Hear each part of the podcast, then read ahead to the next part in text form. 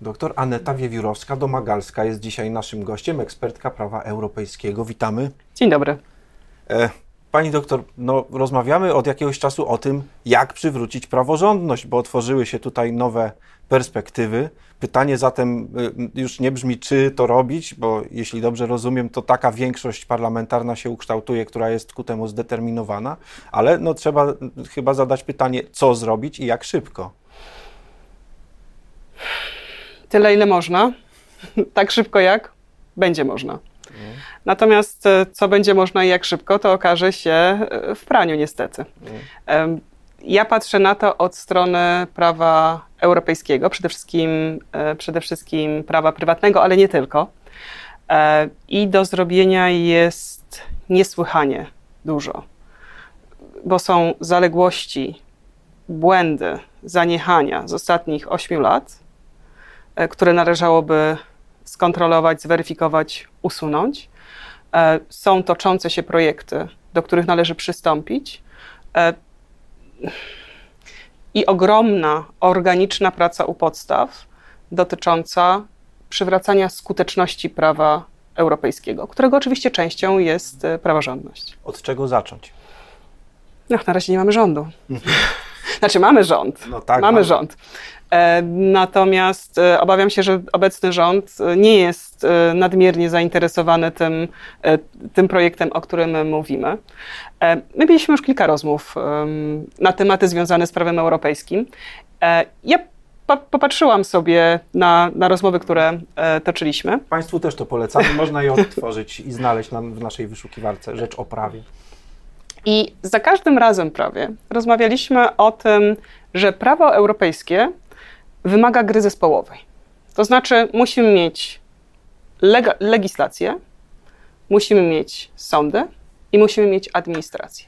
I teraz ogrom tego projektu, który stoi e, przed nowym rządem, polega na tym, że należy zająć się tym wszystkim, co leży w, zakresach, w zakresie y, rządu i umożliwić innym organom władzy, przede wszystkim sądom, skuteczne stosowanie prawa, co będzie niezwykle trudne i niezwykle wymagające. Odblokowanie y, sądownictwa y, rozpatruje się w kilku wymiarach. Trybunał Konstytucyjny, owszem, tak, sądownictwo najwyższe, a więc Sąd Najwyższy i Naczelny Sąd Administracyjny, sądy powszechne, Krajowa Rada Sądownictwa, która chyba jest tutaj kluczem do całego tego zagadnienia. To jest proces, który y, da, da się zrobić szybko, czy raczej trzeba mówić o rozłożeniu go na dłuższy okres? wszystko zależy od tego, jak będzie wyglądała kohabitacja. Po prostu. Bo wchodzimy w etap kohabitacji, kiedy mamy tak. parlament, rząd i prezydenta oraz Trybunał Konstytucyjny, tak. które niekoniecznie muszą mówić tym samym głosem. Dokładnie. I teraz, e, aby dokonać zmian legislacyjnych, potrzebna jest współpraca ośrodka rządowego, parlamentu oraz prezydenta i Trybunału Konstytucyjnego. Zdaje się, że nawet artykuł 10 Konstytucji mówi o takim obowiązku lojalnej współpracy tych, tych władz. Mówi. Mówi. Natomiast no, sami się uśmiechamy, tak? E, niestety się uśmiechamy. Niestety się, niestety, no, mamy, tak naprawdę mamy y, powód, żeby się uśmiechać. E, ten Oczywiście. wynik e, wyborczy jest imponujący. Frekwencja imponująca i wydaje mi się, że to, co zadziało się w czasie wyborów pokazuje, że nasze społeczeństwo jest na zupełnie innym etapie rozwoju jako społeczeństwo niż mogliśmy e, przypuszczać, czy obawialiśmy się, ale to stawia też dużo wyższe wymagania przed rządzącymi. Tak przed tymi, którzy obejmą władzę, jak przed tymi, którzy władzę e, stosują, posiadają w tej chwili. I Głos... będą, jak sami się określili, demokratyczną opozycją. Prezydent będzie demokratyczną opozycją? Mam na myśli obecną większość rządową. tak, okej, okay, bo już trochę nie, mi się to pomyliło. Tak daleko prezydent nie, nie będzie. Pre... Prezydent nie będzie. Nie, prezydent nie. Prezydent będzie prezydentem jeszcze przez przyszły rok i, I kawałek i następnego. Połowę, połowę następnego. Także no, nie, niewątpliwie trzeba będzie wypracować e, mechanizmy współpracy z, z panem prezydentem. E, Oczywiście, jak, ja, ja znowu, ja patrzę na to od strony prawa europejskiego, od strony wdrażania prawa europejskiego na poziomie do naszego systemu prawa krajowego, jak również e, uczestnictwa Polski w tworzeniu prawa europejskiego, bo przez te 8 lat mało o tym mówiliśmy. Raczej, e, raczej dyskurs s- narzucany, powiedzmy, przez ośrodki władzy pokazywał prawo europejskie jako coś nam obcego.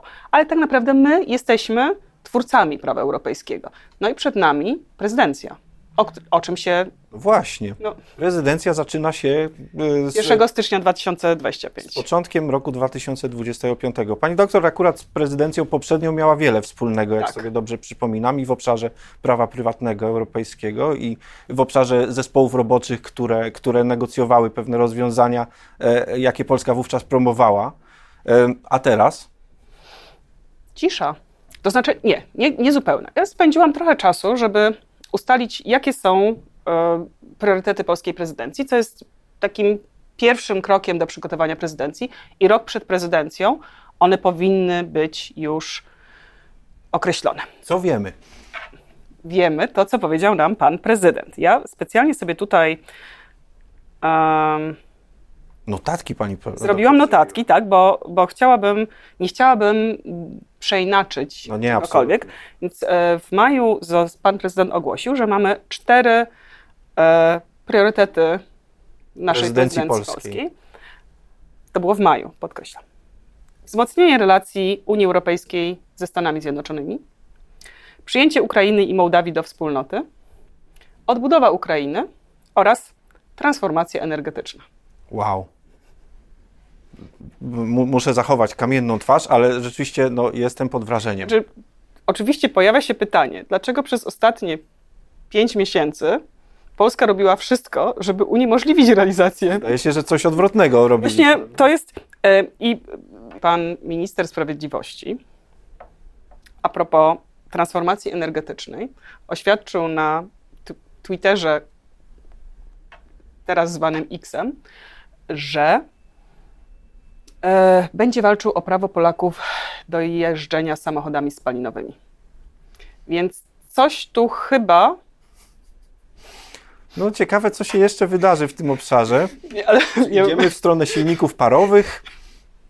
Trudno, trudno jest powiedzieć. Znaczy, nie, nie powinniśmy się śmiać, to są. Nie, nie, to są- jest poważny to są- program Rzeczoprawy. Bardzo Państwa przepraszamy. Bardzo Ale przepraszam. rozmawiamy o Ale ja mam. Ja, przepisach, rozmawiamy o tym, co Pan Prezydent powiedział.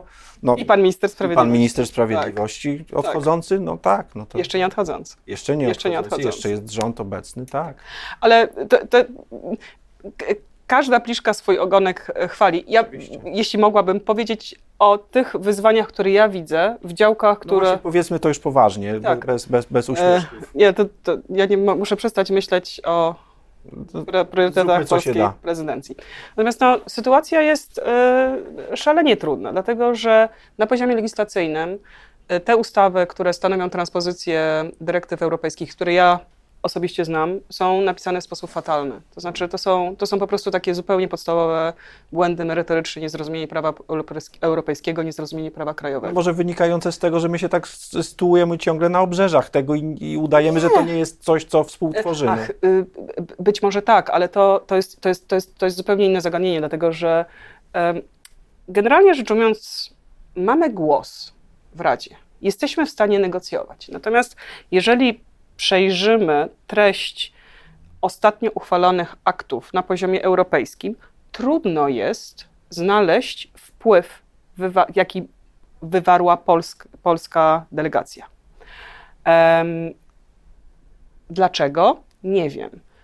Krążą pogłoski, które jeśli się potwierdzą, będzie to ogromny skandal, że w niektórych grupach nawet nie uczestniczyliśmy na jako w wyniku decyzji em, Politycznych. tak. Jak możemy przygotowywać prezydencję, kiedy nie wiemy, co się dzieje w grupach roboczych, kiedy nie uczestniczymy? Mamy, i to, jakby to, jest, to jest e- element tworzenia prawa europejskiego. Następnie mamy i, i transpozycji. Mamy, w tej chwili negocjuje się 700 instrumentów w Unii Europejskiej. Trzeba zrobić tego przegląd. Co tam jest, co my zrobiliśmy, czego nie zrobiliśmy, jakie mamy stanowisko. 275, znalazłam trochę danych, 275 dokumentów y, i y, aktów prawnych, które w tej chwili powinny być transponowane. Tragicznie opóźniona dyrektywa o sygnalistach, niesłychanie trudna do wdrożenia systemowego. Ja rozumiem, dlaczego obecny rząd nie chciał y, wprowadzić do systemu prawa polskiego dyrektywy o sygnalistach, no ale to już czas. Powództwa przedstawicielskie powinny wejść w życie w już, czerwcu. Już ponaglenia są. Tak cały czas są w RCL-u. Toczy się mnóstwo. Digital Service Act. No to jest wielki problem przecież dotyczący twórców, mediów, tak. pieniędzy, relacji z social mediami. No to, to jest, jest ogromna rzecz. Jest kilka, kilkanaście bardzo dużych, bardzo trudnych instrumentów, które są w tej chwili negocjowane. Jakie jest stanowisko polskie? Hmm. Czy my uczestniczymy w negocjacjach? Co osiągnęliśmy? To jest jedna rzecz. Druga rzecz. Jak będzie wyglądała, jak będzie wyglądało zapewnienie skuteczności prawa europejskiego w sytuacji, w której regulatorzy są obsadzeni przez obecny rząd. Regulatorzy, czyli Komisja Nadzoru Finansowego, Urząd Ochrony Konkurencji I Konsumenta. Tak. Mhm. E, e, kadencja przewodniczącego KNF-u mija 23 listopada. No ciekawe, kto będzie decydował. Ciekawe, ciekawe kto zdecyduje.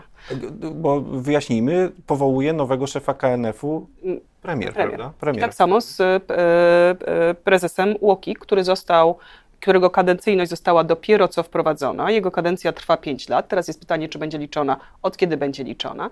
Czy to dotyczy obecnego prezesa, czy dopiero przyszłego, tak? E, nie, od kiedy będzie liczona kadencja obecnego prezesa. Mhm. Czy, czy liczymy od momentu, kiedy został prezesem, czy odkąd weszła kadencyjność jego. Może więc to go nie dotyczy, tak jak urzędu. w przypadku Trybunału Konstytucyjnego e, e, z Julią Przyłębską, gdzie Arebur jej znowuż dotyczy, bo ona już została powołana pod rządami ustawy, w której przewidziano kadencję. To są pytania, na które są odpowiedzi polityczne hmm. i, po, i, odpowiedzi prawne. Ale ja chciałabym wspomnieć o jeszcze jednym, bo, bo to, to, to jest podawanie piłek do siebie. Legislacja, administracja, sądy. I teraz w tej chwili sądy są nadmiarowo obciążone obowiązkami związanymi z zapewnianiem skuteczności prawa europejskiego ze względu na brak aktywności legislatora e, na poziomie europejskim, na poziomie krajowym i ze względu na e, działania bądź brak działań administracji. Za dużo piłek im się podaje i nie ma kto oddać nie, ich kopnąć nie, po prostu dalej. wszystkie piłki są przy nich, tak? To, to w ogóle... E, za mało nóg do kopania. Za mało nóg do kopania. Natomiast e, tutaj są dwie kwestie. Po pierwsze, sędziowie, którzy są tak obciążeni pracą, jak w tej chwili są, to, to, to nie ma szans, żeby, żeby system zafunkcjonował.